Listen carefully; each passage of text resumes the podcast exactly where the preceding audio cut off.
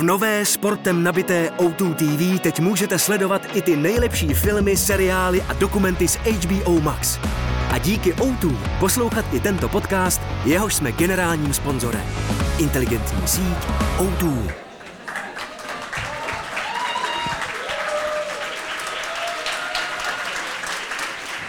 Dobrý večer, dobrý večer. Posloucháte tisícátou, tisícou, tisíc, posloucháte epizodu s číslem tisíc, Studia N, tady je Filip Titlbach a Vítek Svoboda. Dneska, děkujeme, dneska, já vám taky tleskám, dneska o citlivosti. My jsme fakt dojatí, že jste to tady vyprodali, je to, je to hrozně hezký a, a příjemný. Děkujeme.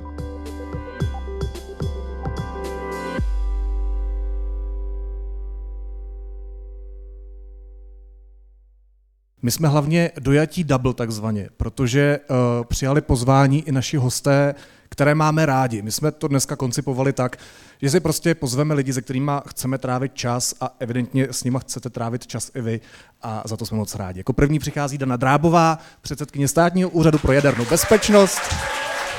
Dobrý den.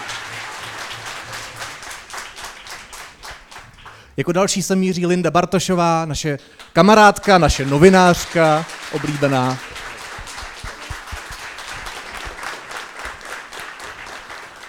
A jak už řekla Dana Drábová, tak trn mezi, pardon, Honza Vojtko, psychoterapeut.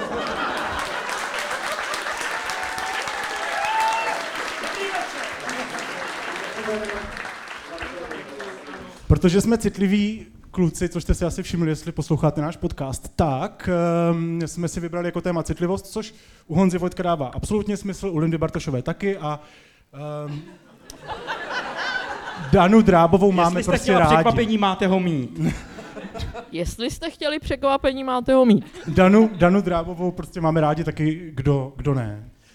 No, to je podle mě dobrá otázka na úvod. Já jsem si říkal, čím Hmm. začneme. Možná začneme trochu negativně. Ať to máme jakoby od píky, od, rovnou jako od začátku. Kdo vás na tomhle světě nemá rád? Kdo vás vyloženě nemůže vystát? Jsou to evidentně lidi, kteří tady nejsou. Jak byste je pojmenovali, paní Drábová?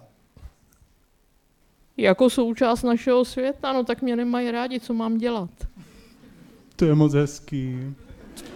Jsi chtěl konkrétní jména, Filip. Já jsem chtěl, abyste byla trošku konkrétnější, no ale Linda, Ale- Poté adresu. si, poté si na baru probereme, jak to děláte, že to berete takhle. Mně se to zatím nedaří. Uh, ten list by byl asi dlouhý. Myslím, že by se... tak eh, pár jmen. Myslím, že by se podobal, uh, řekněme, v pohlaví, ve věku, možná i v barvě pleti. Uvidíme, nevím. Třeba... ne, um, je jich hodně takových lidí, no. Jakmile, uh, musím to říct, jste žena, která má názor, tak uh, ten uh, list is long. A navíc Ale ještě to mluví nahlas. to mi, Lindo, m, se vším To máme respektem, společný, ano. ne, ne, ne, mně nepřipadá, že člověk, který mi s odpuštěním blije různé komentáře, i nehezké na moje sociální sítě, v poslední době to není nic výjimečného, že mě nemá rád.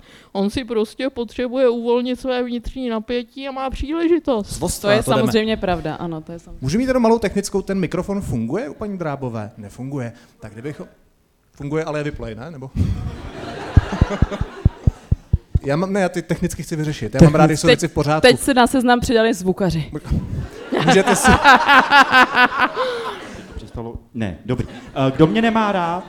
Um, já budu opička, asi hodně lidí si myslím, že mě hodně hejtujou. Ne, nedávno, nedávno, když jsem publikoval a přeposílal článek, který mluvil o tom, že ten rozdíl mezi tím mužským a ženským mozkem eh, je- takřka neznatelný, vlastně není žádný, tak mi tam spousta lidí těma verzálama napsalo, že by mi ho nejradši uřízla a strčila do zadku.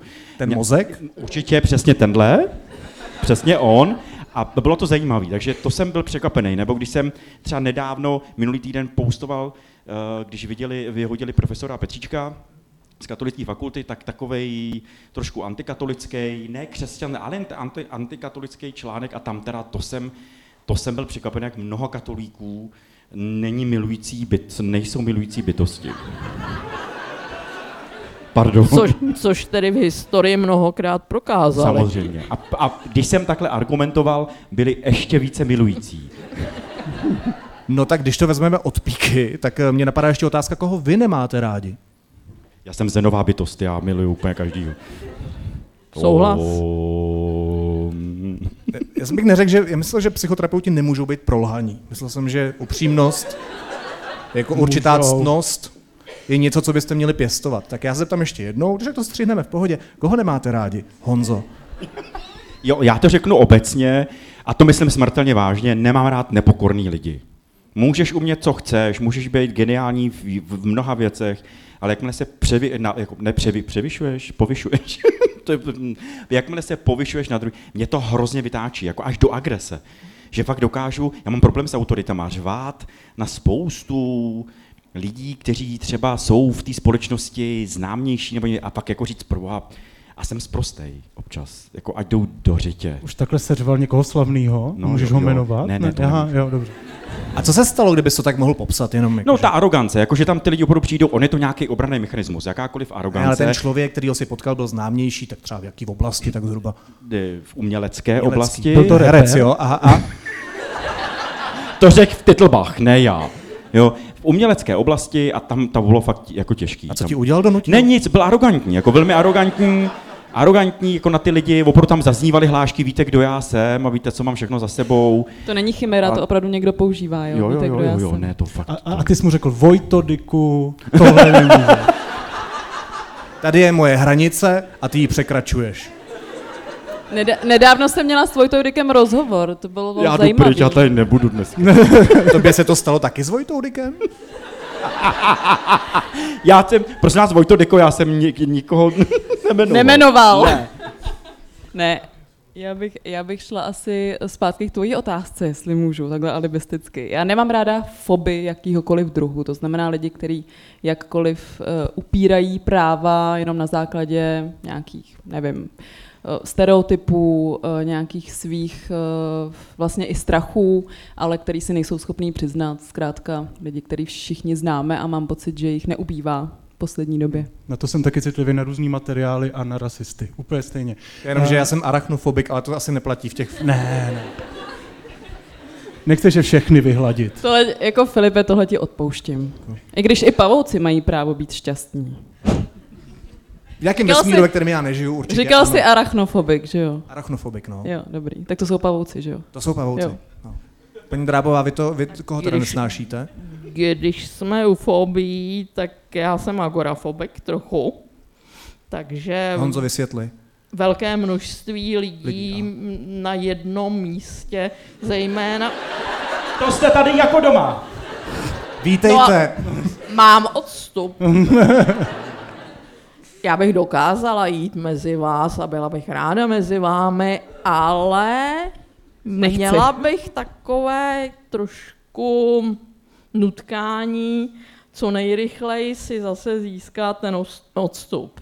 Uh, tak, tolik mým fobím a koho nemám ráda?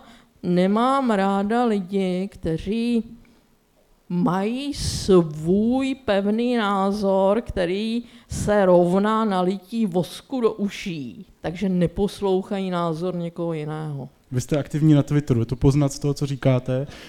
Um, když bavíme se o citlivosti, vrátím se k tomu, mm, kdo vás nemá rád, ale spíš mě zajímá, protože pro mě je to velký problém, já jsem velký people pleaser a když mě někdo nemá rád, tak to je velký problém. Uvnitř, navenek nikdo nepozná.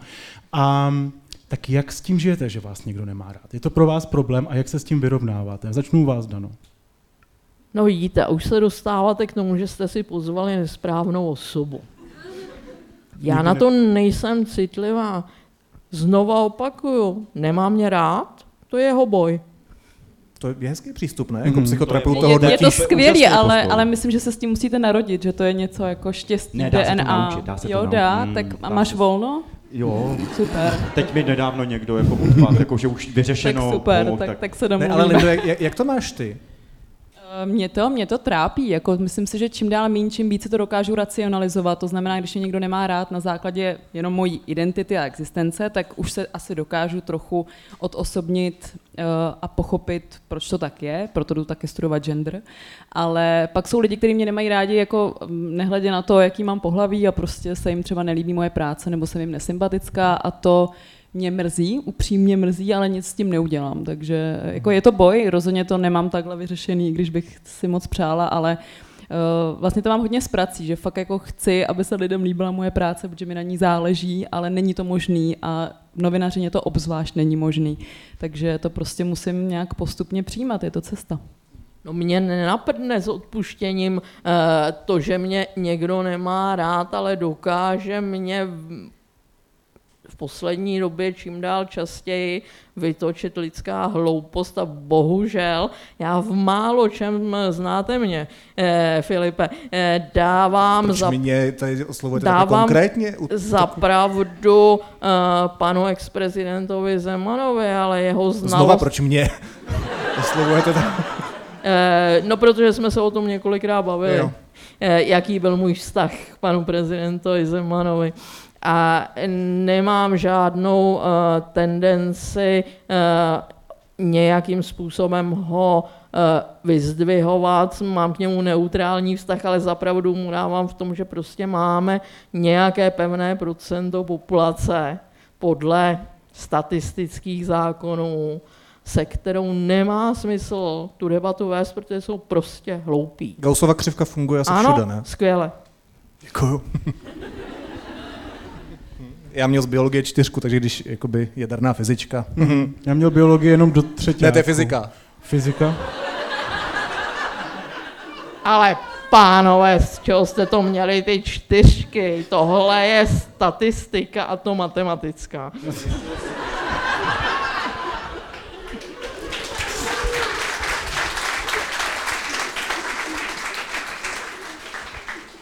Zachraň nás, ne, nesměj se. Odpověz na otázku. Čurina.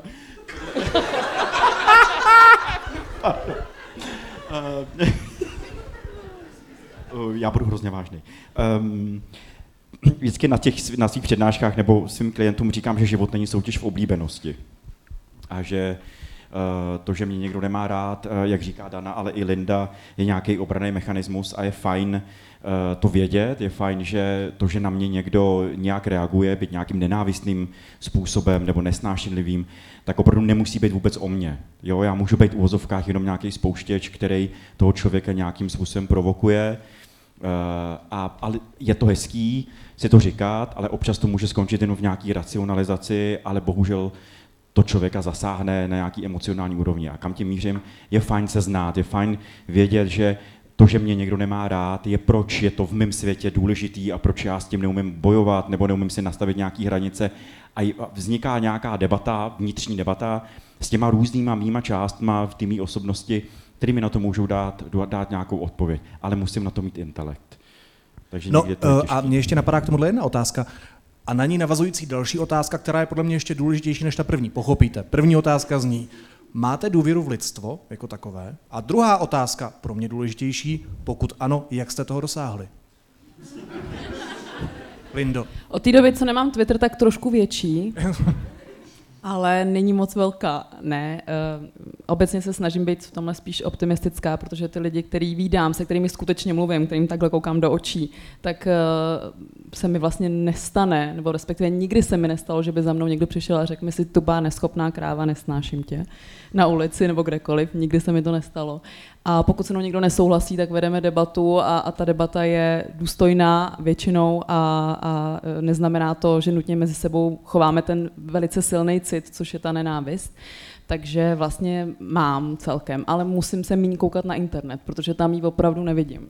Jako diskuze nečtu vůbec už roky a ten Twitter mi tu víru v lidstvo hodně bral a když jsem i jako dala stranou všechny ty útoky, které byly na mě, tak mě opravdu bral tu víru i když jsem pročítala komentáře u úplně jiných témat, u úplně jiných lidí, protože jsem opravdu nevěřila, jak někdo může tohle vůbec třeba vypustit i na ten internet, i pod tou fotkou té kočičky eh, na parapetu. Prostě Tomu rozumím. nechápala Já jsem si taky omezil Twitter v tom uh, smyslu, že jsem na něj přestal psát svoje názory a svoje postoje a, a svoje nějaké jako uh, náhledy na svět, protože je to velmi toxický prostředí, který uh, velmi podporuje tu myšlenku toho, že tu důvěru v lidstvo nemám, takže naprosto rozumím uh, tomu, že se z ho zbavila. Pardon, X, ne Twitteru. Už Já, je já ještě Twitteru tehdy, takže. Ale vy ještě Xkujete. Co já už jsem uh, omezeně flexibilní, protože toho už poměrně dost pamatuju, tak já až do smrti budu tweetovat, pokud tam odtud neutečou, protože pan majitel to dodrbe úplně do nesnesitelného stavu. Se Což... váš konzervativní přístup k té věci. Já jsem Prostě do konce podstatě... světa budete tweetovat. Vytrvalej spíš. Mm, jo, já asi do konce svého pobytu na Twitteru, na X tedy, jak dokáže člověk zničit jeden z nejlepších brandů, který kdy v historii existoval, to mi fakt hlava nebere a zničil ho. No to je to egoistický psychopat, no, a to teď dokážu. vysí ve vzduchu ta moje otázka, jestli máte důvěru v lidstvo. V lidstvo mám důvěru omezenou, která eh, se dá popsat eh, jedním eh, Murphyho zákonem.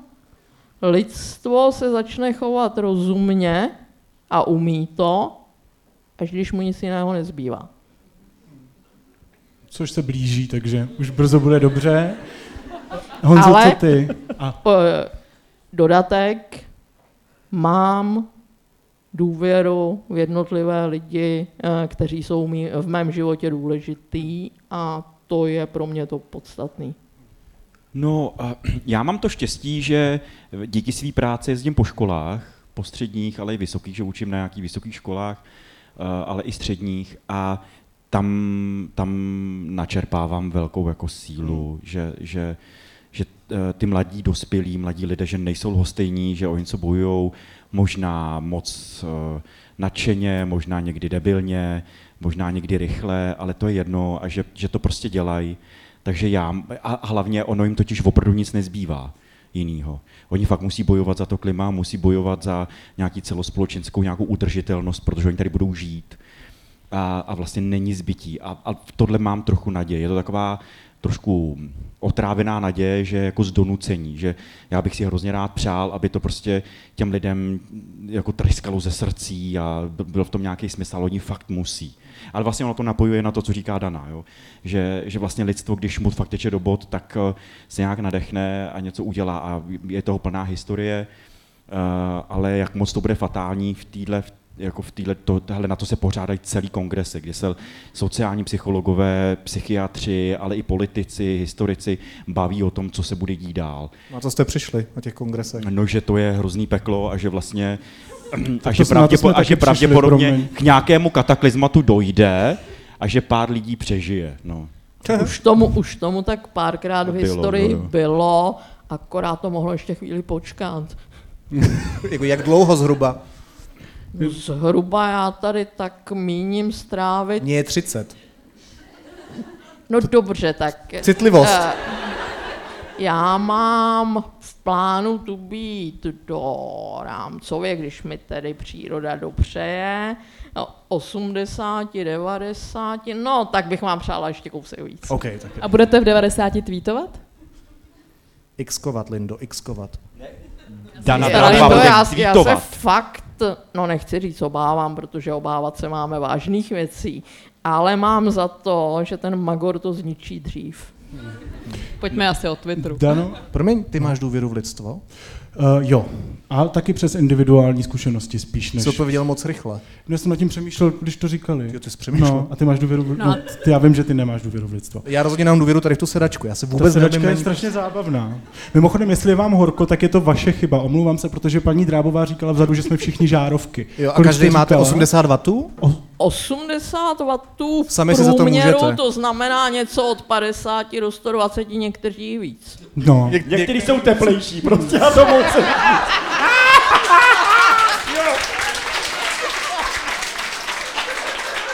Je to hrozně debilní lacinej vtip, ale tady sem se hodí prostě. A očividně, když vidím tu vaši červenou pohovku, jak na ní sedíte, chlapci. Se tak rozvalujeme. že geové neumí sedět. A my všichni jsme navíc dost hot, tak to taky slyšelo. Eh, já, dělej něco, já jsem to chtěl, ano, já, to je legrační, se stalo tohle, protože já jsem chtěl jít do trošku seriózní oblasti. Uh, zkusím to. Dano, Lindo, vy eh, ve své práci musíte být obě dost konfrontované s tím, co se děje na Ukrajině, s Putinovou válkou, s Putinovou agresí eh, na Ukrajině. Zajímá mě, jak tohle, ať už pozitivně nebo negativně, zamávalo s vaší důvěrou v lidstvo. To, co se teďka děje, ta hrůza, která je kousek od nás. No, oba aspekty to má.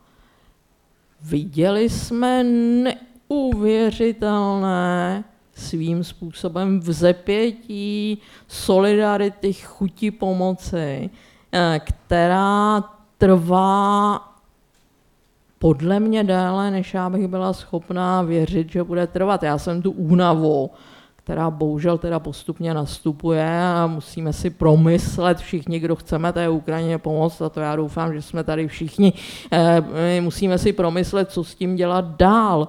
Ale na tom se ukázalo zase znova, a jak eh, lidi, kteří žijí v zemi, kde jsem doma, když teče do bod, tak jsou schopni sebrat to nejlepší, co v nich je a něco udělat. Z druhé strany ale to dělají ty pitomí sociální sítě. My na ně nejsme zvyklí, my na ně nejsme adaptovaní. Eh, ono to není to, že ty sociální sítě by byly zlo samo o sobě. Je to jiný způsob komunikace, na který jsme se nestihli adaptovat. Lidi se taky museli adaptovat na knih, tisk, noviny, rádio, televizi a taky to dělalo velký zmatek myslích lidí, což teprve ty super rychlé sociální sítě. Ale v téhle fázi eh, ty sociální sítě eh, budí dojem, který podle mě ani neodpovídá realitě, že těch zlých, násilných, buranských zprostáků eh, a hloupých lidí je více, než jich ve skutečnosti je. Proč a, jsou tak hlasití? No, protože jim to ty sítě umožňují. No, umožňují to všem přece. E, umožňují to všem, ale jejich algoritmizace, kterou jsme ještě pořád úplně nepochopili, a je e, velmi důležité, abychom ji pochopili, tak amplifikuje to, co přitahuje reklamu. To tak prostě je. Můžu to doplnit? Uh, Tristan Harris, který je um, jeden z největších bojovníků proti sociálním sítím, protože on se podílel na vytváření sociálních sítí, tak teď ví, jaká je to, jaká je to sviňárna, tak vlastně on mluví o tom, že uh, vlastně sociální sítě mají tři základní, základní nastavení nebo smysl, a to je, uh, aby nám něco prodali, a aby nám něco prodali, tak, tam musíme, tak si tam musíme vracet a musíme tam zůstat co nejdíl.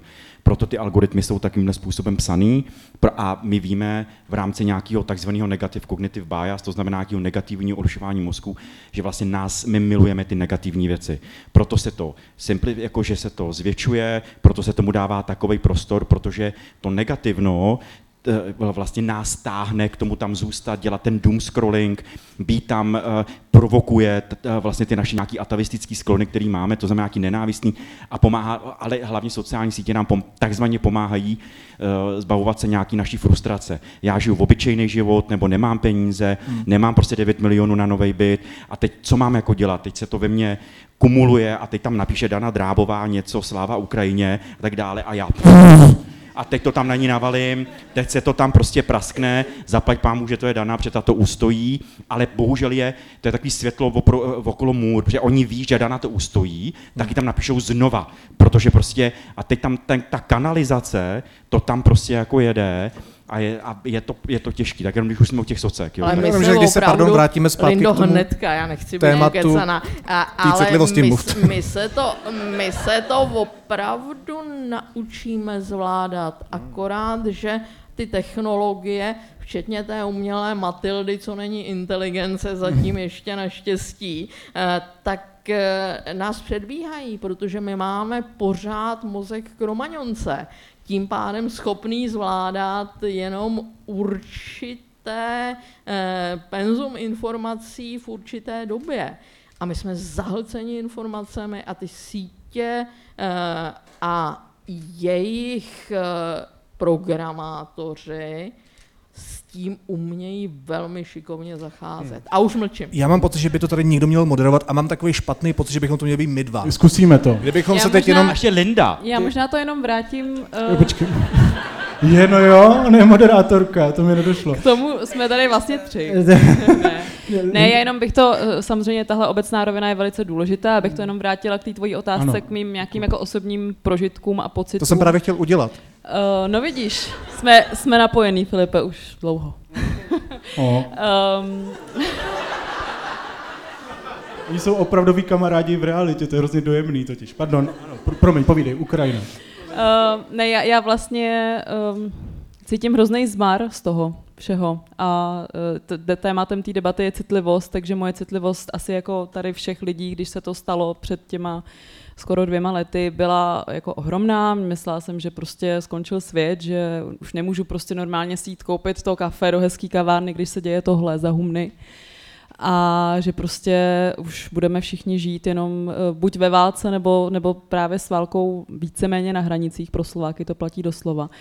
A teď mě vlastně, teď jako dalším zdrojem té nervozity a úzkosti je to, že ta citlivost se otupila ve mně a že už ten zmar jako cítím pořád, ale necítím tak silně ty emoce, které jsem cítila vlastně už třeba jako rok a půl zpátky už to jako odeznělo. A vlastně další jako zdroj úzkosti je to, že takhle to bude se vším, co se stane jako komukoliv, že to vlastně po čase ta, ta hranice prostě spadne a že, že začneme být otupělí. No je to tak, no, ale to je vlastně docela scary. Strašidelný. To je strašně- Je, uh, ty jsi říkal totiž, Vítku, že, uh, že se to týká bytostně vaší práce, Dano Lindo, ale vlastně ono se to týká i tvojí práce. Já si Vlastně. nemůžu představit, že by do tvojí terapeutovny nechodili lidi s tímhle tématem a nějak se s tím traumatem nemuseli vypořádávat. Je to tak? No to, to vlastně válka na Ukrajině po covidu, to my zapomínáme na covid. my zapomínáme na to, že před tou válkou byly tři roky covidu, kdy jsme byli zavření, lidi nám umírali, protože tady naši političtí reprezentanti moc hezky vedli tu naši zemi. Jo.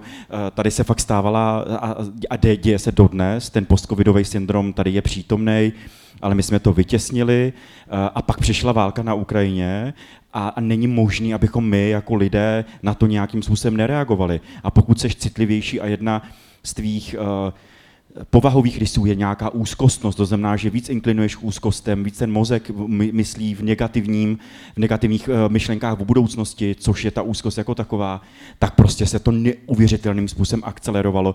A já fakt mám dodnes, jako doteď, mám narvanou terapeutovnu lidem, lidí, kteří nejenom, že řeší ty svý stresy, který řeší pravidelně, ale ještě je to zvětšený těma makro věcma, tím, že ten svět, jak říkala Linda, jde prostě nějak do háje a jak je možný, že prostě už tady víc- jako rok a půl... To jsem neříkala, Já vím, ale, ale jako tak víceméně. Pro, promiň, jo, jakože to je, dobře, ne, ne, jo, ale že to tak prostě vyznívá. Jako když, si- když chceš mít uh, tenhle pocit, tak Jo, najdeš spoustu důvodů, přesně, protože to přesně, skutečně přesně. Je.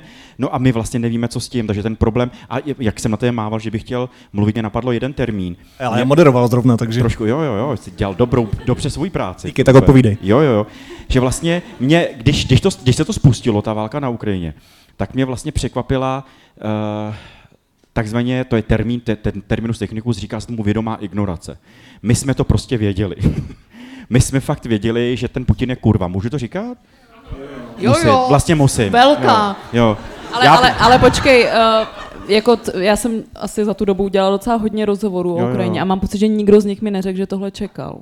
Jo, Nikdo z expertů, nikdo z novinářů mi neřekl, že No by a- čekal, že by jako šel do té prostě uh, jo, války, do války, války jo. No ale on, on, že jo, on a- anektoval Krym a dě- dělal něco v nějakých Gruzii a dělal nějaký další historické věci. Takže my jsme fakt měli aspoň nějaký jako povědomí o, o tom, že to prostě není hodný pán a že, a že, jo, a že vlastně, a nejenom, že dě- dělá tyhle ty válečný nebo nějaký uzurpátorský tendence, ale že celá ta dezinformační scéna pramení z Ruska. Že vlastně všechny ty věci, to, tady je tady roky, to, jak se spolitizovala celý LGBTQ, prostě sociální skupina, eh, transgender, to všechno pramení z Ruska. Eh, A, a, on, a on na to makal roky a roky a roky, jo, aby jako diskreditoval nějaký sociální skupiny. A my jsme to fakt jako věděli. A, ne, a my jsme to vytěsnili. Vytěsnili jsme to úplně a zasáhlo to i... E, budete moderovat, Filipe, nebojte. E, e, zasáhlo to i e, moji profesi, aniž bychom si to uvědomovali, i když i ty znaky tam e, byly. E, boj proti jaderné energetice v Německu byl financován kým? Hmm. Hm? Hádejte. No Indii ne. Teď? Dobrý, můžeš teďka. Uh, já jsem jenom malá zase technická, mám rád zase, když jsou věci v pořádku. Uh, tohle půjde do podcastu. Ten podcast může slyšet kdokoliv, třeba děti. Takže já bych jenom... A takže ty kurvy se nehodí.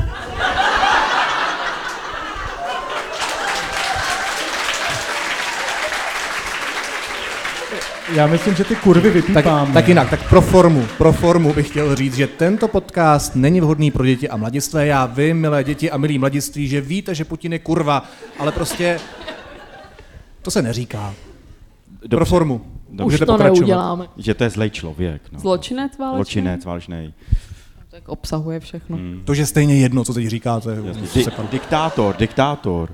No, Filip jde odsud na pracák, se bojím. takže vrátíme se zpátky k tématu. Chtěl jsem se tě, Honzo, zeptat. Pokud přijde taková událost, jako je covid, anebo jako je válka na Ukrajině, kde prostě nějaká kurva obsadí svrchovaný stát, tak eh, jsou tyhle události jako takovým lakmusovým papírkem, který ukazují, nakolik jsme citliví ke svému okolí, protože na jedné straně máš lidi, kteří se, a říkala to Dana Drábová, okamžitě vzepřeli, začali pomáhat, dělají to dodnes i přes obrovskou únavu, a na druhé straně máš lidi, kteří nehli prstem, eh, a kteří říkají, že Ukrajinci si za to můžou sami a kteří říkají, ať z Česka táhnou. Eh, Ta reakce je zajímavá, jo, protože my, eh, my jako lidstvo, jako, jako člověk, nežijeme v žádném sociálním váku, my jsme prostě sociální bytosti a pokud se dějou takhle silné takhle silný události, které mají vliv nějak, jako celospolečensky, tak prostě není možné na to nějakým způsobem nereagovat. A jak ty si říkal, ty si řekl dva extrémy uh, jo, v tom, v tom nějakém poli sociálním, ve kterém my žijeme. Většina lidí udělá něco. Jo, jak je Gaussova křivka, těch 70% prostě udělá, že občas pošle nějakou stovku nebo tisícovku někam a tím to hasne. Pak je prostě 10% lidí, kteří extrémně pracují a pak je nějakých dalších 20%, kteří mlátějí Ukrajinky v autě, uh, jsou hrozně překvapení, že to má nějaký důsledky, že pravděpodobně někdo zatkne pořád ve stá, jako v, v nějakém státě, který má nějaký zákony a tak dále. Uh, a jak říkala ale Dana i Linda, jo, my vidíme, a není možné nevidět, vidíme, ty, eh, vidí- vidíme extrémy, vidíme lidi, kteří moc uh, jako opravdu urputně až jako pomáhají, posílají, posílají peníze, posílají prostě, za ty peníze kupují ty váleční nebo ty zbrojařské věci, to mě fascinuje, jo, ta, taková ta skupina, ježiš, dárek pro Ukrajinu. Zbraně pro Zbraně Ukrajinu, pro Ukrajinu. CZ. No, to, to je, Pardon, Honzo. a dá, jo, No, musím, dárek pro jo, Putina, jo, ale... a dárek pro Putina, děkuju, jo, eh, eh, Web zbraně pro Ukrajinu. jo, dárek pro musím kurvu. teda pak- říct, že vracím se k tomu, že nevíte, koho jste si pozvali, protože moje účinná terapie proti zoufalství z toho, že tam ten Rusák opravdu vletěl, eh, byla koupíme jim ty zbraně. Fakt, že jo? Hmm. A je do teďka. To je skvělý brand deal s tou organizací, jste moje oblíbená influencerka teďka. Zbraně pro Ukrajinu, CZ Dana Drábová. Ne, že to vystřihnete. ne, ne, ne, my to říkáme i na konci někdy. My to hlavně celý nepustíme, takže se nemusíte bát, že bychom v tom stříhali. No ale pak je, pak je, je, je, ještě doplním, že pak je ale zajímavý sledovat tu reakci, to potom, co se děje po, těm, po těch dvou měsících, půl roce, roce, hmm. roce a půl, když ta událost trvá, co se tady prostě jako děje a, a jakým způsobem já to dokážu zvládnout, jako zvládnout. Takže vlastně je fajn to sledovat a, a mě, to, mě to fascinuje. Ta moje práce mi to dovoluje. Sledovat z toho celospolečenského hlediska, ale i z toho individuální, z toho mikrosociálního, z, toho, z těch mikrosvětů, kde my žijeme, protože ono to ovlivňuje můj svět, můj vnitřní svět, mý malý světy jako doma, moji rodinu, moje, moje jako blízký a něco to prostě dělá. A sledovat to je fascinující. Tečka. Tečka. Mě zajímá, jestli existuje něco jako, protože každý jsme různí lidi s různýma osudama a hlavama, ale existuje něco jako kolektivní citlivost? Dá se říct, že třeba mm, Česko je citlivé nebo necitlivé? Dá se tohle říct? Ano, Lindo? Aha, a je citlivé? nebo- Chris Cross, už tady moderace. Uh, jestli jsi chtěl něco říct, tak klidně Ne, ne, můžeš. Uh, já myslím, že asi existují témata, ke kterým jsme citliví, možná ne všichni, ale většina společnosti. Zrovna teď jsem se chystala na jeden rozhovor o větnamské komunitě v Česku a vlastně, i když tady pořád bohužel jako je nějaký dílčí rasismus eh, vůči těmto lidem, tak jsme třeba, mám pocit, eh, v případě těchto lidí nebo této menšiny, těchto přistěhovalců, dokázali projevit nějakou citlivost, nějakým způsobem jako přijmout eh, až na nějaký individuální prostě pochybení. Když jim třeba netykáme ve večerce. A Samozřejmě dál, to že? jsou právě ty pochybení. Jestli tam není ale mám třeba pocit... pracují, víš, zase, když pracují, No, to... no právě, ale jako samozřejmě ty důvody jsou přesně takovýhle, to už můžeme rozebírat dál, ale myslím, že jako toho schopni jsme asi u věcí, které nám jsou třeba nějak prospěšný, jejichž eh, existence by nám chyběla, kdyby najednou nebyly. Uh, no, asi nevím, jestli to jde altruisticky, no, abychom byli citliví k něčemu nebo k někomu, aniž by nám to prospívalo. To je možná se další uh, A k- rovina. To, k čemu jsme necitliví, je co? A měli bychom tam zabrat. Toho je hodně, hodně moc. Uh, Tak co Právě třeba to, jak jsem říkala na začátku, že nemám ráda všechny ty foby, tak mám pocit, že jich je tady spoustu. Je tu spoustu, homo, spoustu homofobů, spoustu misogynů, spoustu rasistů, prostě jsou tady mezi náma. Asi tam bychom mohli zabrat Já mám hodně. tady napsanou jednu otázku, která eh, vzhledem k tomu tématu dnešního večera může znít trochu od lesa, ale já to vysvětlím. Uh, vy, Dano, na X, na Twitteru, whatever, informujete každý den o tom, že, uh, že ta radiační situace na Ukrajině zaplať pámbu zůstává normální. Ťukáte. To říkám pro posluchače. Vy to vidíte. Což vám nemusím říkat, protože jste to viděli právě. Um, nakolik citlivé jsou přístroje, nakolik citlivá je to technologie, která nám dává vědět o tom, že je všechno v pořádku. Vlastně se ptám na to, nakolik spolehlivou máte technologii nebo možnosti, abyste všem v Česku mohla říct, že je všechno v pohodě. Protože to je přece jako obrovská zodpovědnost. Vás citují největší česká média, vás sledují uh, lidi, kteří se rozhodují na základě vašich informací. Vy jste předsedkyně státního úřadu pro jadernou bezpečnost. Takže se ptám na citlivost vlastně toho, co se objevuje kolem vá- vás a nakolik vy jste schopná z toho rozpoznat, že je všechno OK. No to jsme najednou nějak naváženo teda, ale já se toho pokusím, pokusím zhostit. Ono, to záření má jednu dobrou a jednu špatnou vlastnost zároveň. My ho dokážeme změřit a máme takové technologie na úrovních, které zdaleka neznamenají žádné ohrožení. Ale v našich myslích ta naše pravá mozková hemisféra je udělána tak, že jakmile zaznamená, že někde bylo něco naměřeno, tak eh, 20% lidí za ten Gauss se zděsí, propadne panice a vykoupí jodové tablety v lékárnách. A děláme, co děláme, tak to tak je, ale zpátky k vaší otázce. Evropa, včetně Ukrajiny, je pokryta sítí pěti tisíc super citlivých monitorovacích stanic. A já ráno v těch eh, půl páté, mně se to děje prakticky od eh, dětství, že se budím v půl pátý, tak ráno v těch půl pátý vstanu a podívám se na údaje eh, z téhleté databáze tam bych to viděla. A, ale musím říct, viděli by to tam i kolegové z mého týmu, dostali by takové avízo a kdyby mě kleplo, to se může stát, nikdy nevíte, tak přinejmenším se ta informace o tom, že radiační situace je normální, což doufajme, že vždycky bude, objevila na oficiálním uh, Twitteru našeho úřadu. Tím zveme teda všechny, kteří ještě zůstali na X, aby začali sledovat váš úřad.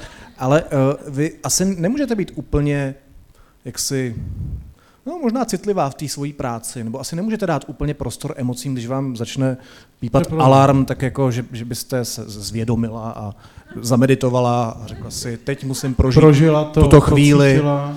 Eh, Co to se mnou asi dělá, že teď tady bliká To je poplach? pravda, tam ty emoce a citlivost tam asi nemají místo úplně. To nemají. To nemají, eh, nemůžeme si to dovolit, protože musíme eh, v první řadě zjistit, proč to je. Jestli je to fakt, nebo jestli se někde zbláznila sonda. eh, A pokud je to fakt, tak začít dělat věci, které máme dopředu připravené a které by neměly a, a nesouvisí se stavem mysli. Prostě ten člověk, který se zabývá a, takzvaným krizovým managementem, tak musí v té chvíli vystoupit ze své osobnosti, e, svým způsobem ji popřít a ještě navíc si být vědom že musí dělat rozhodnutí rychlá, s nedostatkem informací, která se posléze, až to někdo bude hodnotit s nohama na stole v klidu své kanceláře eh, ex post, mohou ukázat jako špatná. A já eh, svým lidem vždycky říkám, vy musíte se rozhodnout. Svědomím, že to rozhodnutí posléze bude pravděpodobně posouzeno jako milné, špatné, nedostatečné a že nás zastřelí za úsvitu, ale musíte se rozhodnout. To je hrozný job, ne? Panikařit nemůžete, ještě uděláte rozhodnutí, který bude blbý. No, ono, eh, ex post viděno, tak eh, když nemáte dostatek informací, eh, které byste k tomu dobrému rozhodnutí potřeboval, a stejně Eh, se musíte rozhodnout, jestli ty lidi máte uklidňovat a nebo přijímat nějaká opatření, eh, znova to zopakuji. Ex post viděno, tam ty chyby nalezeny vždycky budou. Dobře o tom věděl Winston Churchill.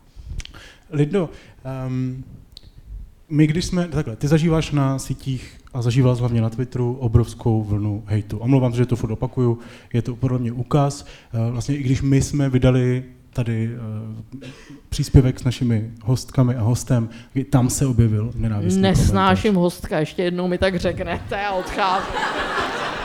tak, tak mě, ta, mě tak říkat situace normální. Tak Linda, Linda je hostka a vy můžete být host. Můžeš. A jo, konkrétně děkuju. tam teda bylo to, co dělám v debatě s chytrými lidmi, tak se no. omlouvám. Byla pozvaná. To, to už neříkej. Teda dělej si, co chceš, ale to je strašný. Hej, co jsem chtěl říct je, že opravdu, uh, jestli jste někdy byli na Twitteru, tak jste si asi všimli toho, že uh, lidi Lindě nadávají, ať udělá cokoliv. Já bych tady chtěl veřejně ji podpořit a říct, že to je hnusný a otravný. Nedělejte to. Děkuji, slyšíte dělá skvělou práci, je otravný se točit tady v tom kruhu a bavit se s ní pořád o tom, jaký všichni... Ale hlavně zdrhla z Twitteru. No, zdrhla, zdrhla, přesně tak. A na základě tady téhleté smršti ty jsi smazala Twitter. Kdy jsi poprvé všimla, že na tebe lidi reagují neadekvátně? Možná definují neadekvátně, no, trošku víc. Možná ty si to definuješ. Já nevím, jestli jako já vlastně můžu posoudit, jestli na mě reagují adekvátně nebo ne. Ne, nereagují na tebe adekvátně. Dobře, tak v porovnání s jinými novináři třeba, dejme tomu? Uh, tak já nevím, asi ty uh, historické stopy neadekvátnosti by se daly uh, stopovat až do doby, kdy jsem byla v televizi a kdy jsem se začala objevovat na obrazovce a myslím, že jsem se snažila pracovat dost poctivě a stále jsem byla hodnocena na základě nějaké mé minulosti nebo toho, co jsem dělala dřív, jak vypadám a tak dále, tak to by se asi dalo považovat za neadekvátní, protože jsem jinak splnila všechno to, všechny jako předpoklady pro to, abych tu práci mohla dělat, si myslím. To byla asi jako jedna noha toho problému, ale nejvíc to začalo zdaleka když jsem se začala nějak vyjadřovat sama za sebe, když jsem udělala nějaký autorský projekty, který vedly, nebo vedly, eh, který jsem chtěla, aby vedly k nějakému ženskému osvobozování a sdílení. Eh, nejdřív to byla kniha novinářky, ale tam ten hate nebyl takový, ale hlavně teda podcast Krása pro Wave, kde vlastně ženy sdílely nejrůznější zkušenosti eh, s tématem vzhledu a tlaků na vzhled, tak to byla asi největší vlna, ale vlastně ještě jedna... Promiň, tam si dostala přes držku v uvozovkách ještě předtím, než to vyjelo vůbec jo, v rádiu. Jo, a to si myslím, že fakt jako, to jsou třeba momenty, kdy to odosobňuji od sebe, protože vím, že to jsou témata, které jsou v českém prostředí relativně nový. Jako opravdu nechci tady šermovat Amerikou a Západem, ale jako opravdu, když se podíváte třeba na výběr knih a projektů a článků, které tam jsou, tak tohle jsou věci, které oni tam řešili před 15 lety a nikdo to, nikoho to už jako nezvedne ze židle tolik. Ale u nás jsou to vlastně stále ještě docela nový témata, který hodně iritují, který hodně popuzují. Eh, často lidi popuzuje to, že to dělám já, nebo že je zpracovávám já, protože mají pocit, že na to nemám uh, právo kvůli svým privilegím, který se snažím jako pojmenovávat v těch projektech, ale prostě tohle třeba je věc, kterou já se učím přijmout, protože eh, chápu, že to třeba na někoho takhle opravdu může působit, že já konkrétně bych neměla tohle téma zpracovávat, ale nesmí mě to zabrzdit v tom, abych do toho šla znova. Proto jsem vlastně z toho Twitteru odešla, protože mě to oslabovalo, oslabovalo to moji chuť a vůli dělat tyhle projekty, které si myslím, že jsou v českém prostředí potřeba. A stejně jako se jiný novinář věnuje ekonomice, válce na Ukrajině, eh, krizi bydlení, čemukoliv, tak já se kromě všech těchto témat, které zpracovávám, protože pracuji ve spravodajském pořadu Spotlight, kde ta šíře témat je jako velká, tak se jako ve svém osobním zájmu, eh, o čemž svědčí i to studium, tak eh, profesním, o čem svědčí ty autorské projekty, prostě věnuju feminismu a nějakému ženskému osobozování, jak jsem řekla. Eh, dokážu si to už zvědomit, když použiju tohle tvoje ezoslovo, že vím, proč ten hate je. A... No, to je teď tvoje EZO slovo. A já ho taky používám, Filipe, já ho taky používám. Neznamená to, že mě to ale nezdraňuje, i když vím, proč to tak je. A pak je tady ta skupina lidí, o které jsme mluvili na začátku, kterým prostě sympatická nejsem, nikdy nebudu, nelíbí se jim třeba můj projev, nelíbí se jim, jak dělám svoji práci. A to prostě tady bude a s tím já nemůžu, nemůžu nic udělat. Ty jsi teď začala studovat gender studies. Začnu teprve v říjnu. Začneš. No. To, to jsi řekla, že mě to hrozně pomáhá. Já, já se snažím opravdu vzdělávat i ve svém uh, osobním čase, aby, abych si neudělala z feminismu brand, ale abych opravdu rozuměla tomu všem těm historickým proudům, tomu, jaká je současná situace a třeba pomáhala opravdu tu situaci posouvat dál jako eh, svými projekty, ale i jako tou uh, mírou vědomostí, kterou o tom tématu mám.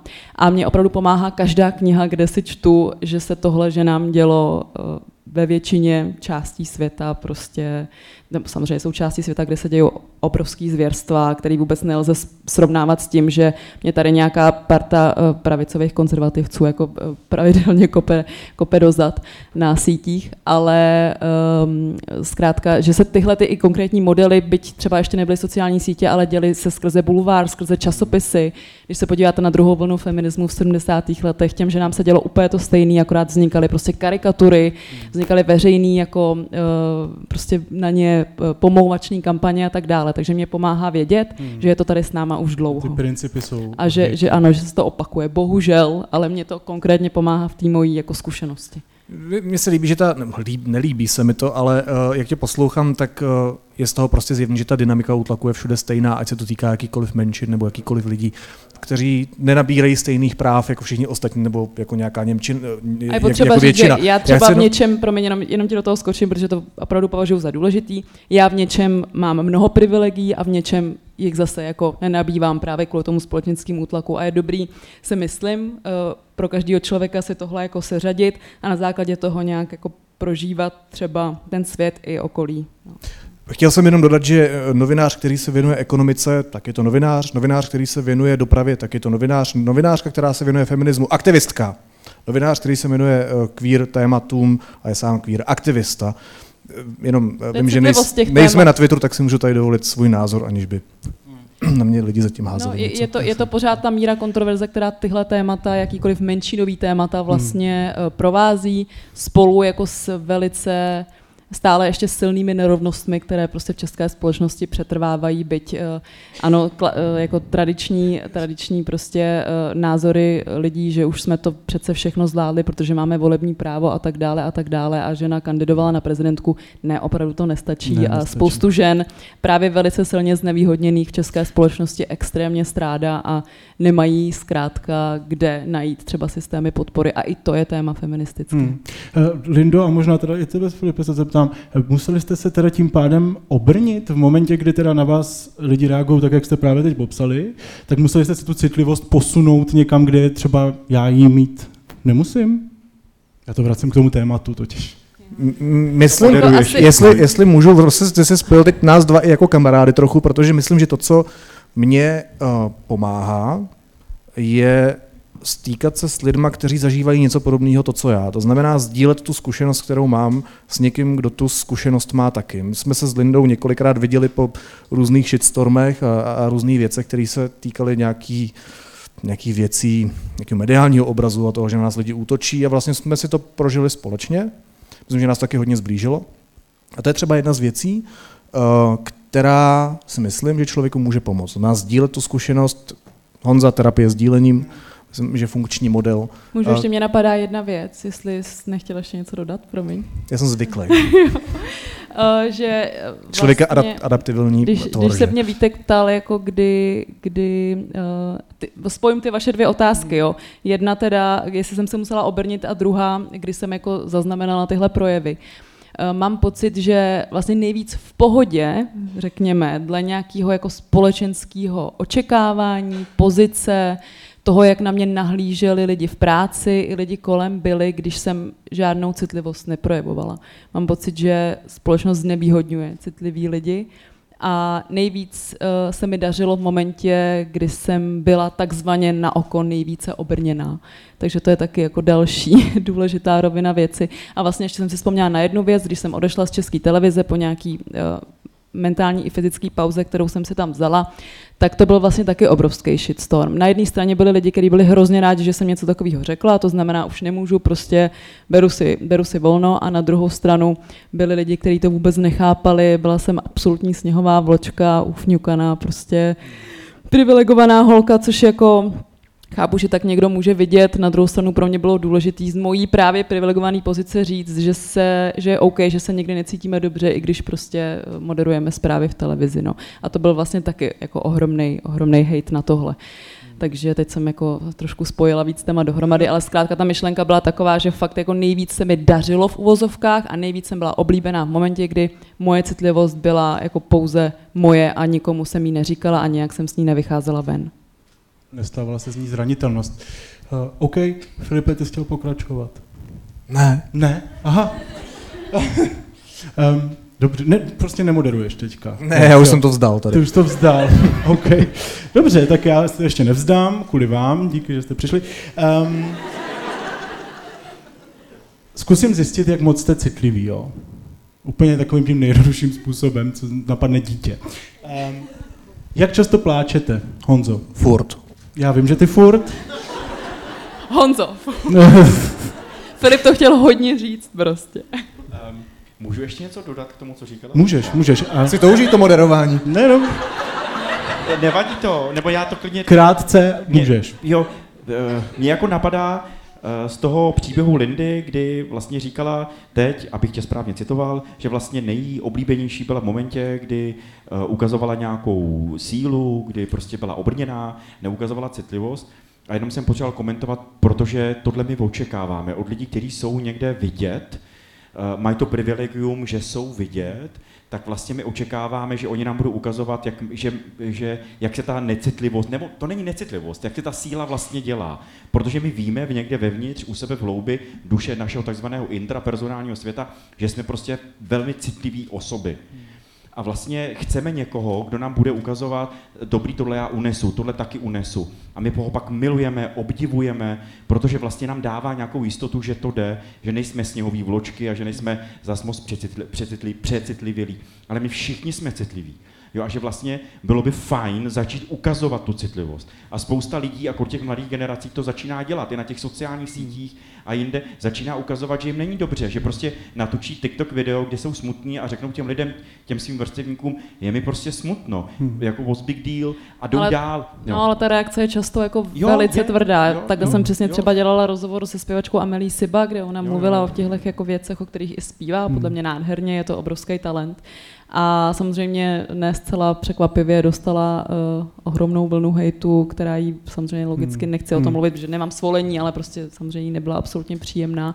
A možná si příště takový rozhovor zase někdo takový podobně citlivý rozmyslí. Hmm. Jo. Takže takhle my vy, vy, vlastně vytlačujeme citlivost veřejného prostoru, protože kdokoliv to udělá a dostane takovouhle, takovýhle pushback zpátky, tak se mu do toho Hmm. samozřejmě logicky znova nechce. To jsem právě chtěl říct a Linda to řekla za mě. A odpovím teď na tu otázku, Vítku, Aha, dobře, že kdy pláču, Ano. já se umím vracet. Děkuji Jo, ti. jo uh, um, často. A je to příznak citlivosti? No určitě. Jo, je to, no, já bych řekl to. ani ne tak citlivosti jako lidství, jo, protože ve mně se něco kumuluje, já mám nějakou práci, která je prostě občas náročná, eh, něco se mi taky samozřejmě děje a je fajn, je to součást nějaké dospělosti nebo integrity člověka, že si prostě dovolím eh, nejenom přecitlivělost, ale dovolím si smutek, dovolím si na sebe působit. Já jsem hrozně koťátkový zvířátka, jo, takže já si prostě pustím na YouTube a pouš- pouštím si videa, který, kde se kde jak Indie nebo z arabského světa, kde jsou ty prostě pomlácený zvířata a pak je někdo zachraňuje. Musí je Aha, jo, zachránit. dobrý, já jsem se bál. Ne, nejsem tyran, já nežeru maso 30 let. Jako opravdu jako, teď ten viděl, teď, u, u, posledního videa, u kterého jsem opravdu jako pustil slzu, bylo, že prostě nějakou ma, malý kůzle někdo polil prostě uh, asfaltem a nechali ho tam, někde prostě jako v Indonésii. A hodní lidé z Animal Aid prostě ho jako našli, dali mu tam, a teď vidíš to video, jako tam, jako, jako tam čistějí od toho asfaltu a on pak tam prostě skáče, jo, jak je celý šťastný a jen dám, je ono, že jsou i hodní lidi. Takže u tohohle já si dovolím jako plakat. Jo, jo, takže ale sám... Sice brečet, jenom o tom mluvíš. No. no. Ale pak píšu hororové knížky pro děcka, protože, Pak můžeš. protože prostě pak už jako nazdar. Lindo, jak, jak ty to máš s plakáním? Uh, jsou takový dva, tři dny v měsíci, kdy pláču s, pravidel, s železnou pravidelností, řekněme. Myslím, že všechny... A to máš jako v to kalendáři. Prosím tě, A jo, jo, jo. já ti to pak vysvětlím. Já ti to pak, já ti to pak vysvětlím. Mám takovou aplikaci, která mi to vždycky ukáže, kdy budu asi hodně plakat. To mi pak řekneš, když Já tak. ti to pak vysvětlím. Teď se myslím smějí asi všechny osoby ženského pohlaví tady uh, v sále. Ne, to, jako to je fakt, to jsem opravdu extrémně přecitlivěla a uh, velice uh, jsem jako pyšná na svého teď už manžela, že to zvládá těch pár dní. A potom mě rozpláče často hudba, film nebo i jako nějaký třeba běžný situace, který zahlídnu v tramvaji, ve vlaku, ale není to, řekněme, úplně na denní bázi. Řekla bych, že brečím třeba třikrát do týdne zhruba. To, to je docela dost, Dano, vy to tak, já nevím. Plačka, Já, ty, já ty plačka. rok 97, že jste naposledy uronili slzu. No, to bylo asi ještě... Černobyl? Na. Proč? Já, já to řeknu jinak. Skoro si nepamatuju, kdy jsem naposled brečela, protože já nejsem k pláči náchylná, což je asi nějaká predispozice. Eh, Což neznamená, že nejsem smutná nebo že se mnou necloumá emoce, ale neprojevují pláčem. A jaký projevujete? O, třeba tím, že se jdu projít. Ale to už to řešíte. No to už je jako řešení, ne? To je projev emocí? To je reakce, to nějaký chování. To je reakce na zák... Ano, a ten smutek se projevuje jak? Kam, kam jde, když tam je? Co, co to je, když to je? Děláme to dobře, Honzo? Ne? Aha. Mě je trošku smutno zadano, že jako to je takový trošku... Ne, její věc, já tomu rozumím. Mm, No, i- můj stav mysli není dobrý, není takový, že jsem v pohodě, ale jak to mám jinak Honzo definovat? ne, no něco to dělá s těle, je může se svít jako s žaludek stáhnout. A my nebo vás do toho netlačíme, my jenom nebo- jako nebo se- chlapci. Ne, já, já, se, já, se to, já se to anebo- snažím vyzkoumat, No, co, co by to mělo být ten projev toho smutku, když to není pláč. A máme tady terapii. Ne, ale to asi opravdu existuje jako skupina lidí, která se prostě neprojevuje pláčem, ale cítí smutek jasně, no samozřejmě. jasně, že jasně, vlastně jasně. někdo...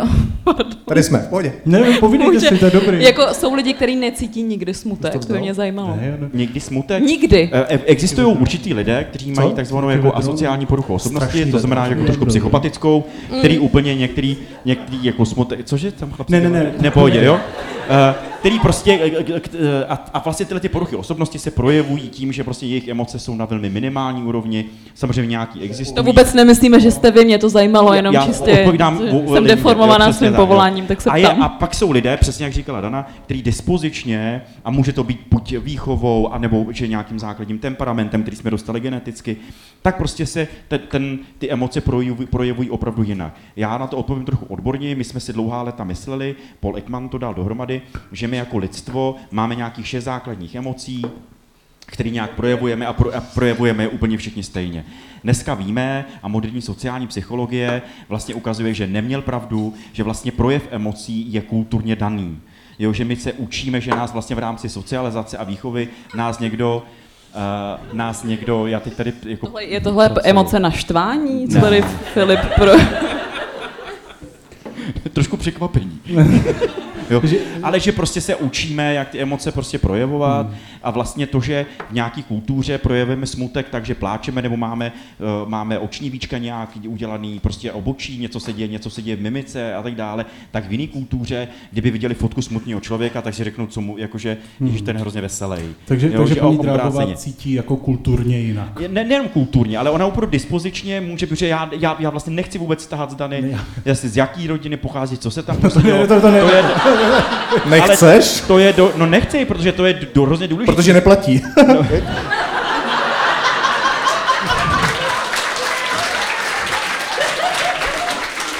Zatím. Nikdy ne, nevíte, Honzo. Na danině případu jako ukazují, že bych potřeboval, a my všichni bychom potřebovali vědět, co všechno jak vlastně schovává v daně, co je prostě dá, nebo Honza, nebo Linda, nebo Filip, nebo víte. Z čeho je poskládaná. Z čeho je poskládaná, ale i z, vlastně z toho psychologického základního nastavení, ale jakou má, my, naše osobnost je založená na tom, jakou máme, jaký máme zkušenosti, co se nám prostě v životě dělo. A proto Jo, občas si dělat někdy srandu z toho, že Dana jakože neprojevuje emoce, je pro mě hro, pro terapeutický jako hrozně citlivý a nejradši bych říkal, hele, te chlapci, ticho, jo, že to není hezký, že Dana to ustojí, jo, ale, ale kdyby... Je vám to nepříjemný, že se o tom bavíme? Vůbec. Proto říkám, že Dana to ustojí. Dana to ustojí. Jo, ale někdy, pravdu, ale někdy je to vlastně protože to vlastně už zavádí nějakým hodnocením a je to rozhodně neempatický. A teď to není proti vám, já to jenom využívám tuhle situaci, jako říct, že to může být někdy jako hodnotící vůči tomu druhému člověku, a teda fakt ne. Souhlasím. Já jsem si ale mezi tím tedy, můj milý, vymyslela příklad, kdy já projevu extrémní emoce a je to eh, poměrně zřídka, moji kolegové to vědí, já mluvím poměrně zvučným hlasem, co mi eh, příroda nenadělila na výšce, to mi nadělila na hlase, tak to bývá, že příroda směruje, směřuje k rovnováze. A e, e, moji e, kolegové dobře vědí, ale i moji kamarádi, přátelé, blízcí, že dokud řvou, tak jsem v pohodě. Ah, a jak začnu mluvit potichu a artikulovaně, tak je extrémně zle a zabiju. No, okay. Jsem rád, že ječíte. Přemýšlejte ano. o tom. Sedíš, sedíš vedle, tak dávej pozor na hlasy. Já, já, říct, jenom, že, jenom chci říct, že zvučný hlas máte všichni tři, včetně tebe, Honzo. Ano, a jenom, jenom, jenom, říct, jenom že mám úplně stejnou reakci jako Dana. Když jako taky stichnu, tak se všichni hrozně začnou bát. Já jsem dělal otázku tobě. Ano, promiň, vynechám, tak, jestli budeš mluvit dál. Promiň, mm. Já jsem chtěl říct, vracíme se k tomu, že geové neumí sedět, že? Že citliví lidé ve společnosti že citliví lidé ve společnosti jsou často vnímaní jako slabší, jako psychicky labilní, jako, uh, jako někdo, kdo není schopný obstát v nějaké jako konkurenci, že se ze všeho hroutí. A mě zajímá, jestli je to tak, že opravdu selhávají, anebo je to tak, to znamená, že se jako nehodí do té doby ostrých loktů. A nebo je to tak, že selhává ta společnost, která to vyžaduje? Filipe, můžu opřesňující otázkou. Myslíte citlivý nebo projevující city? To není to samý totiž. Dana, tak, je, Dana je dobrá. Wow. tak řekněme projevující city No, protože jsou citliví. Otevřeně citliví, to znamená mluvící Upřímně to, to je právě ono, jak jsem o tom mluvila předtím, jo, jo. že jako já jsem byla citlivá, ale nikomu jsem to neřekla, takže to je ano, asi něco jiného, než když o tom mluvíš, třeba Dobře, v našem případě. A citliví nějaký... lidé projevující citlivost skrze příznaky citlivosti. Wow, on to co na to říkáš? Jaká byla otázka? Jestli... Jestli je to ten systém, který, který dělá je, Ne, je, je, to, je to obojí. Je to obojí. My opravdu můžeme, jako psychická labilita opravdu existuje, je to symptom něčeho, a opravdu někteří lidé se vložně hroutí, třeba součást histrionské poruchy osobnosti je přílišná labilita, že vlastně na nějaký velmi obyčejný podnět reaguju velmi přecitlivě, letím, poutám nějakou pozornost a něco vyžadu. Jo. To, jsou ty, to jsou ty moje dva, tři dny v měsíci. No. A Filipových 31, pardon, ano, tak takže má rád únor. jo. Čeho je příznak, když se ti klepe noha? Agrese. Že to, ne, že to třeba nechceš úplně bejt. Že, že jo, jako to já jsem si říkal, jo, jo, jo. jo. Pocení taky jo, ještě jo, trošku. Jo, jo, jo. No, ale, ale, ale z, um, z, z daleko větší části je to, a vlastně Linda, ale i Dana, i vy jste na to poukazovali, že ta společnost na to není připravená. My jsme prostě na výkon orientovaná společnost, takzvaně analyticky orientovaná společnost. A když děláš biznis a jsi součástí třeba nějaký korporace a tak dále, tak tam pravděpodobně nějaký manažer nebo manažerka pro tebe opravdu nebudou chtít, abys byl emotivní. Jo, takže vlastně není to o nějaký citlivosti nebo přecitlivosti, ale je to o emocích, eh, proje, o emoce projevujících lidech. Jo, tak eh, a vlastně to se nevyžaduje, protože tvoje emoce vyvolá moji emoci. Emoce je jedna z nejnakažlivějších věcí na světě. Jakmile ty jsi smutný, je to smutný v rámci nějaké kultury, tak já okamžitě začnu na to nějak reagovat. A buď nenávistně, jako v rámci obraného mechanismu, protože nechci být smutný, mám hezký den a hrozně mě rozčiluje víc, že ty jsi smutný a já to musím krucifix řešit. A nebo vemu, nechám se nakazit a se, začnu být smutný taky. A začnu taky plakat a začnu se ti vyptávat a tak dále a tak dále. Prostě to odvádí pozornost. Náš mozek je mašina na emoce. Cokoliv se tam děje, tak se prostě děje kvůli nějakým emocím. Proto my na to reagujeme. A tenhle systém Jo, ten kapitalistický systém je vlastně daný eh, nebo nastavený na to, neukazuj moc emoce, neprojevuje, protože je to nějaká slabost, protože ukazuješ těm druhým lidem, co je pro tebe emotivní, co je pro tebe ten spouštěč a on to, on to může zneužít nebo využít a vlastně třeba v obchodě se to vůbec nehodí a tak dále. A my si to všechno učíme a bohužel to přinášíme do těch soukromých životů, které máme. A vlastně třeba mý klienti na pádových terapiích jsou hrozně překvapení, když oni přijdou a teď tam mají nějaký téma a jsou zvyklí ty věci řešit. A hodiny a hodiny tam si povídají, řešej, a, jo, a přijdu pak na tu terapii a tak nám taky pomožte nějak to nás, za nás vyřešte. A já jim tam občas říkám, občas se zklamávám. A všichni mi kolegové a kolegyně zklamávají svý klienty, říkají, některé věci nemají řešení. Některé věci, protože ten vztah... Intimní... Jak stichli.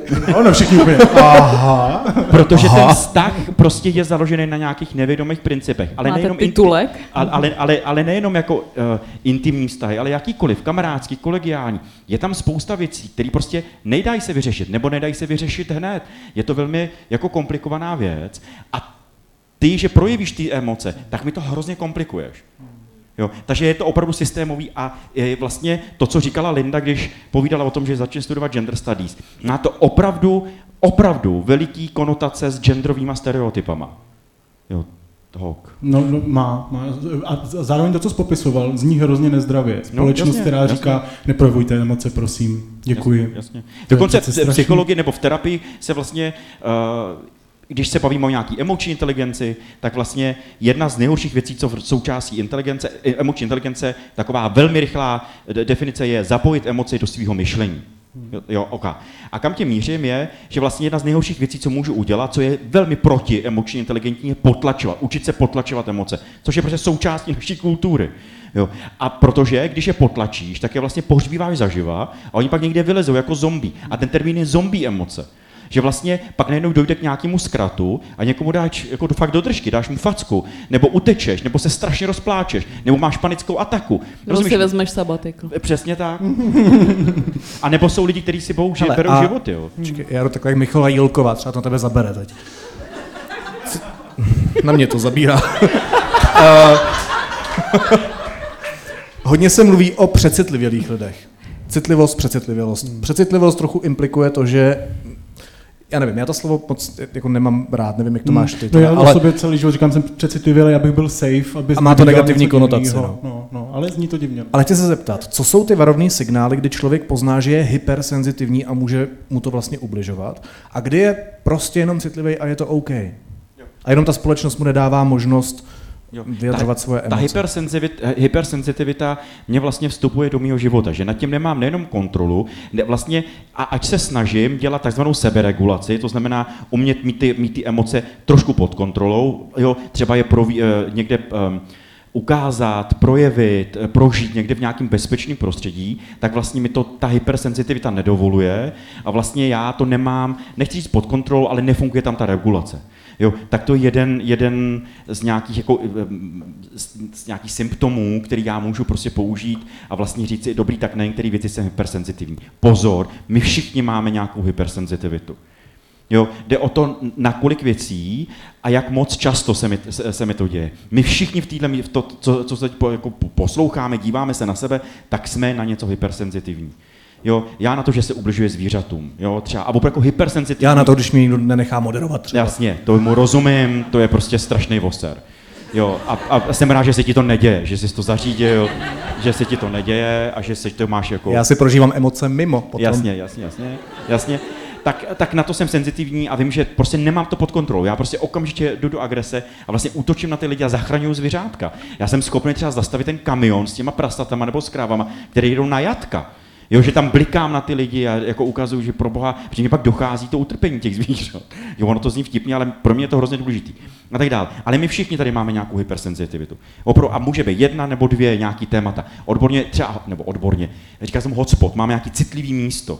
Jo, a je velmi důležitý ho znát, protože teprve potom já můžu proaktivně k tomu nějak přistupovat. Což hypersenzitivní lidi, kteří mají těch citlivostí víc, tak oni ví, je to součást jejich terapie, že se učí poznávat, jaký ty hotspoty prostě mají a učí se mentálně s tím nějakým způsobem pracovat, jo, co s tím můžu dělat, nějak, učí se nějaký jako nástroje. A mluvíš o takový tom, takovým, jak se ti zalije horko, když něco vidíš třeba, a potřebuješ třeba, něco udělat. Třeba horko, hmm. jo, nebo vyplaví se nějaká emoce, jo, nebo vztek, nebo smutek, nebo něco, co vlastně říkáš si, bože, kde se to vzalo. Spousta těch citlivostí je ale i nějakého nevědomého rázu, kdy já to vlastně nedokážu třeba rozpoznat. A je to jenom podprahový. Jo, někde se, třeba můj příběh, můj táta chlastal celý život a rozbíjel věci, když byl ožralý. A já jsem ne, netušil dlouhá léta, než jsem šel na svou první terapii a než jsem začal dělat terapeuta. jo. Že vlastně, když se třeba číšník v restauraci rozbil nádobí, tak mě potom bylo strašně smutno. Jako třeba dva dny, a byl jsem vyklepaný, hrozně jsem se bál, byl jsem na všechno. Jako, a pak... To je hrozně práce, než člověku vůbec si uvědomí no, ty podněty, které no, jasně, tohle vyvolávají. A od, toho ta terapie je, nebo a nejenom terapie, ale ta práce na sobě. Hmm. Nějaký vlastně seberozvoj, nějaká sebe, jako, nějaký sebeuvědomění, odborný termín, tak tohle to trvá, že prostě já potřebuji prožívat nějaké věci a k tomu, a k té citlivosti, jenom to dopovím, trošku přednáška, pardon. Já jsem jenom chtěl říct, ne, mi tady v hlavě jede, že sebeuvědomění zní trochu ezo, ne, Lindo? Ne, to je terminus technicus emoční inteligence. Já jsem v tom EZO s tebou, neboj. Pohodě. Jo, ale jenom dopovím, a už, už, už mlčím, je nějaká sebereflexe. Já prostě potřebuju umět mít k sobě nějaký přístup že, a, a umět si dávat ty otázky, co se mi to dělo. Nebát se toho smutku, nebát se svých emocí, zeptat se, proč jsem teď měl vztek, kde se to jako vzalo. A učit se to pojmenovávat a zjistit, že když mi to nejde, tak prostě vyhledám nějakou odbornou pomoc. Eh, když jsi mluvil o tom hotspotu, tak eh, víte, vy dámy, kde máte ten svůj hotspot, myslím, jako v souvislosti s... Okay. s tím, o čem Teď se nám bavíme, konečně hodí ty červený gauče. s tím, o čem se bavíme, to znamená eh, nějaký místo hypersensitivity.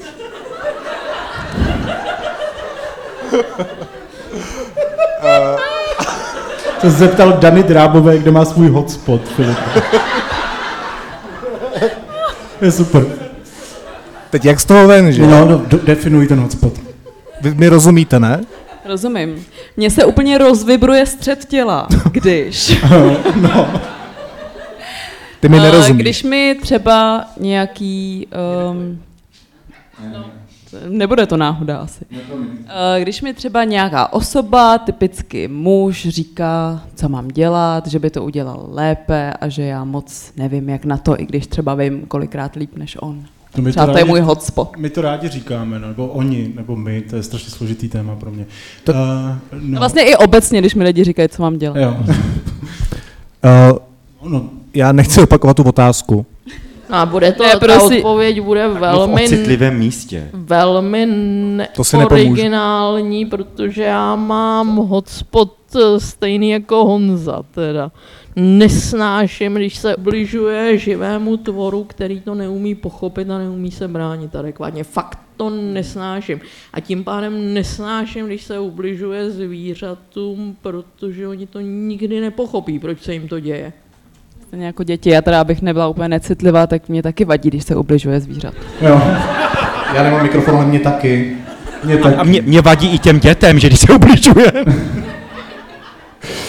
um, ty jsi chtěl, ještě se zeptám Honzi na jednu věc. Odkud ta citlivost pramení? Je to něco, s čím se rodíme, něco, co nás prostě... Můžu být totálně necitlivý, jako stoprocentně necitlivý ne, ne, ne, člověk. ne, ne, ne, to pravděpodobně není. I, i, i ty, jakože rádovi psychopati jsou na něco citliví, třeba na nějaký úspěch, na nějaký obdiv a tak dále, tak tam nějaká citlivost je. Uh, ono se odborně už nesmí říkat psychopat, ale prostě člověk s nějakou poruchou osobnosti, jo, asociální, jo, nebo um, to je jedno. Um, um, ale je to obojí, Vítku. Je to obojí, že já se s něčím rodím, s nějakýma dispozicema, který potom v rámci výchovy, v rámci vlivu prostředí a okolí ve mně vytváří nějakou hypersenzitivitu a vytváří ve mně nějaký citlivý místa. Nebo uh, ten hotspot, to citlivý místo se mi může stát uh, kvůli nebo díky, to je obojí správně česky, nějakému zážitku, který jsem buď bude traumatický nebo extrémně šťastný, tak, tak a, a zapíše se mi to do mozku tak strašně silným způsobem, že prostě pokud něco podobného potkám ve, svém, ve své dospělosti, tak prostě na to reaguju velmi podobně jako tenkrát. Blížíme se závěru a mě by zajímalo, Lindo, Honzo a, a paní Drábová, vaše... Va... Ne, ne, dobře. Cítím se vyloučena z kolektivu.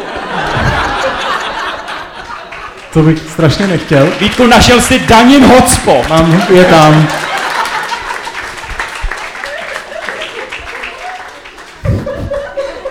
Na závěr si ho našel. Já se omlouvám. Uh, dobře, Dano, Lindo, Honzo, um, jak by vypadal, protože ty jsi mluvil o systému, který nechce, abychom byli citliví, emotivní.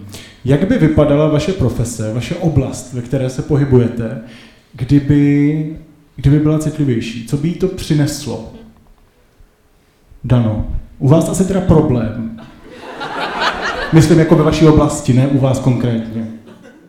Problém by to nebyl, ale e, moje profese je pragmatická, racionální, technická, e, což ale neznamená, že můj tým nemá místo pro city.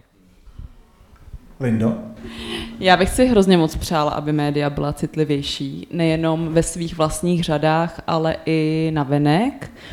Myslím, že jsou posuny v poslední době, které k tomu směřují. Ideální to není, ale zase máme na čem pracovat.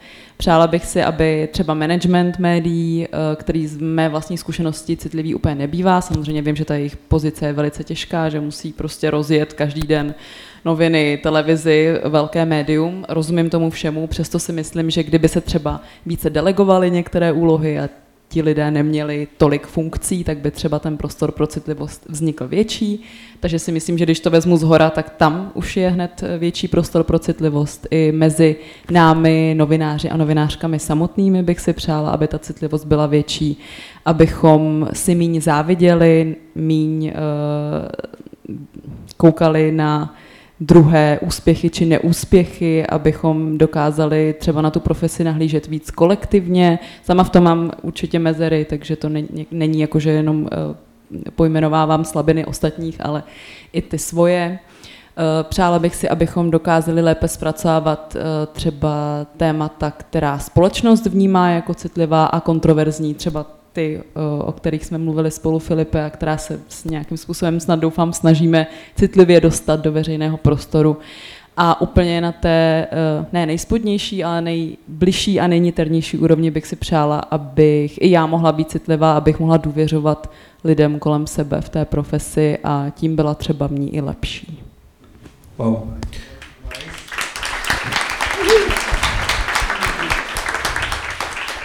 A u tebe vlastně ta otázka je taky platná. No, měli by být terapeuti, psychologové, psychiatři citlivější? Chybí tam Já, aspekt? jo, um, teď jsi to trošku zamotal. Řeknu proč, protože...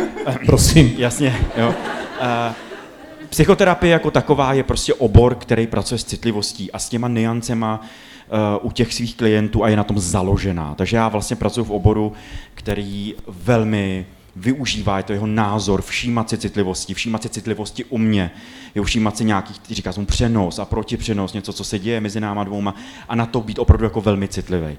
Na druhou stranu existuje dodnes spousta lidí, kteří jsou vyškolení na nějakou terapii ale bohužel nejsou citliví na to, že i tahle profese potřebuje třeba vzdělávání že prostě to, že jsem před 20 lety udělal výcvik a, a pak za mnou přijde prostě klient, který má nějaký nový téma, který, se kterým jsem se nepotkal, tak můžu být velmi necitlivý v reakcích. Vys uh, příklad, přišla za mnou uh, takzvaná polikula, to znamená lidé, kteří žijí v polyamorickém vztahu, a přišli za mnou a prostě obešli tři různý terapeuty, jakože párový a řekli, my řešíme téma polyamorický a tak dále. A tam minimálně viděli zvednutý obočí a tě, no, no tak to ne, no tohle, jo, a tak dále. A nebo, jo, a velmi necitlivou reakci, takže bylo by fajn, vlastně být citlivý na nějaký požadavky téhle doby, na vzdělávání, to, že ta psychologie je prostě velmi živý obor a každý týden, každý, každý měsíc se prostě odkrývají nová, nová témata, které jsou pro mě důležité, abych já o nich věděl. Takže jenom, jenom tohle mě napadlo. Ale jinak ta profese jako taková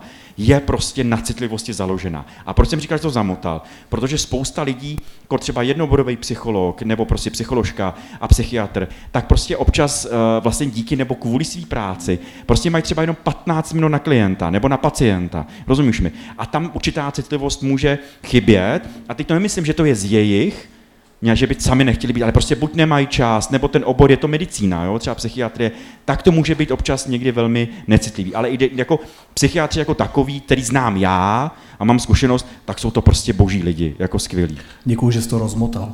Já se ještě zeptám publika, kdo z vás se uh, považuje za citlivého člověka, kdybyste mohli zvednout ruce? Dejte ruku dolů vy, kteří byste řekli, jinak. A zůstali s rukou nahoře ti, kteří jste rádi za to, že jste citliví. Že jsme rádi. No, já mám ty komplikované otázky. Co? Ty chceš můj mikrofon, já jsem ještě chtěl položit tu otázku. Co tohle znamená?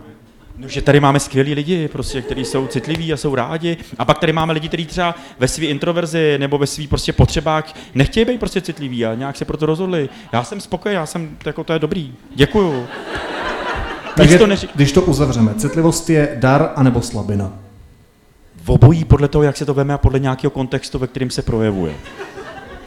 Lindo, ta samá otázka. Jak mi říkáš šalamoun. Názor na to se mi přelévá, řekněme, v určitých fázích mého života, ale spíš bych řekla zatím za těch 30 let, co jsem na světě, že jsem za svoji citlivost ráda, že mi víc přináší, než bere. Citlivost je dár úplně jednoznačně, protože nám umožňuje, aspoň já to tak vidím, nějak s tím světem nakládat. Děkujeme moc. Já myslím, že uh, vzhledem k tomu, že jsme rozbili z pěti mikrofonů tři, a že jsme zjistili, kde máte hotspoty, že je čas to ukončit. Moc vám děkuju. Našimi hosty byly Dana Drábová, Linda Bartošová, Honza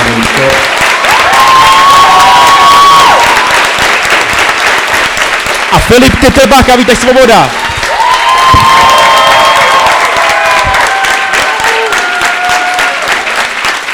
A ten pán, co dal dortěj, Honza Simkanič, šéf deníku N, prosím vás. A tohle byla tisícá epizoda Studia N.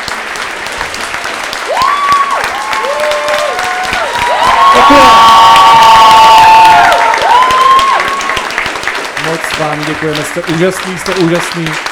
Už můžete přestat.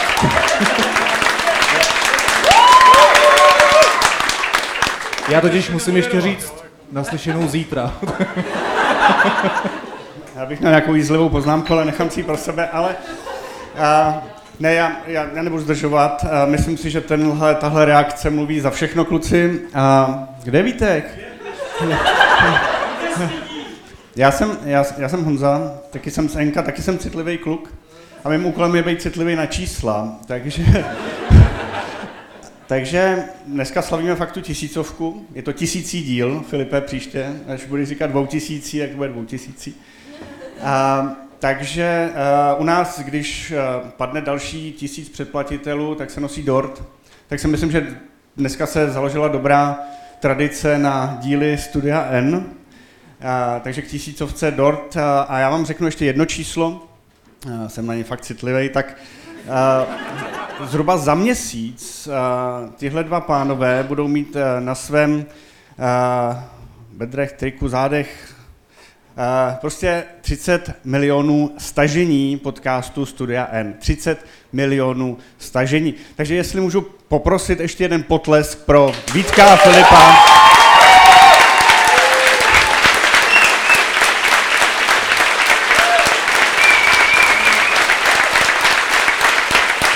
Díky. Já se stydím. A já, já vím, jak ten podcast vzniká, nebo jak hlavně začínal vznikat, když Filip uh, nastoupil do NK. A myslím, že o to víc je obdivuhodné, že dokáže uh, ten podcast být pak nejposlouchanějším spravodajským podcastem České republice, aspoň ve Spotify za loňský rok. Když to srovnám s tím, jaké možnosti mají jiné firmy, tak, tak opravdu klobouk dolů. Je to strašně odmakaný. Kluci jste výborný a já vám moc děkuju a gratuluju, protože to je obrovský úspěch. My moc děkujeme, že můžeme být v Enku.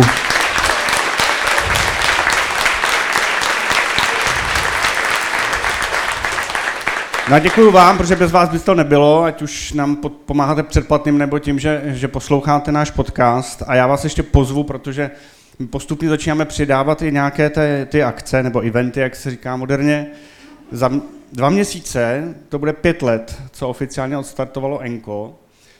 Je to neuvěřitelná doba, pět let. Ehm, v životě lidském je to opravdu pět let. A, a jako barva vlasů a tak, jako uh, tomu odpovídá. Každopádně, 31. října bude celodenní konference N, naše první velká celodenní konference, jmenuje se Jsme připraveni, otazník. Budou tam i moderátoři. Chceme to upgradeovat trošku, takže tam budou i moderátoři. A, a bude tam desítka úplně skvělých hostí, takže fakt přijďte, eh, lístky jsou na GoAuto, když tak. A hned potom eh, bude oslava těch pěti let. Pokříme tři knihy, jo. omlouvám se, nezvládli jsme dvě další, aby to bylo stylový, ale byl výborný. A, takže, takže přijďte, bude to tady v um, Umprumu, takhle jako hned v té vedlejší ulici. Je tam velká hala a, a bude to skvělý a chceme si to užít. E, tam se vstupný neplatí, takže můžete přijít i třeba dva nebo tak. A, a, a tak. Kluci, ještě jednou díky. Byl to skvělý večer.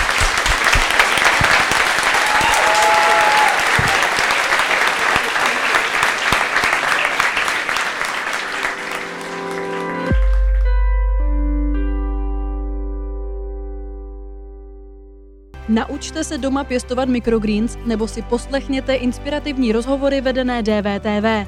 9. září na EON Eco Festivalu v kasárnách Karlín. Vstup je zdarma. Program na eon.cz lomeno Ecofestival.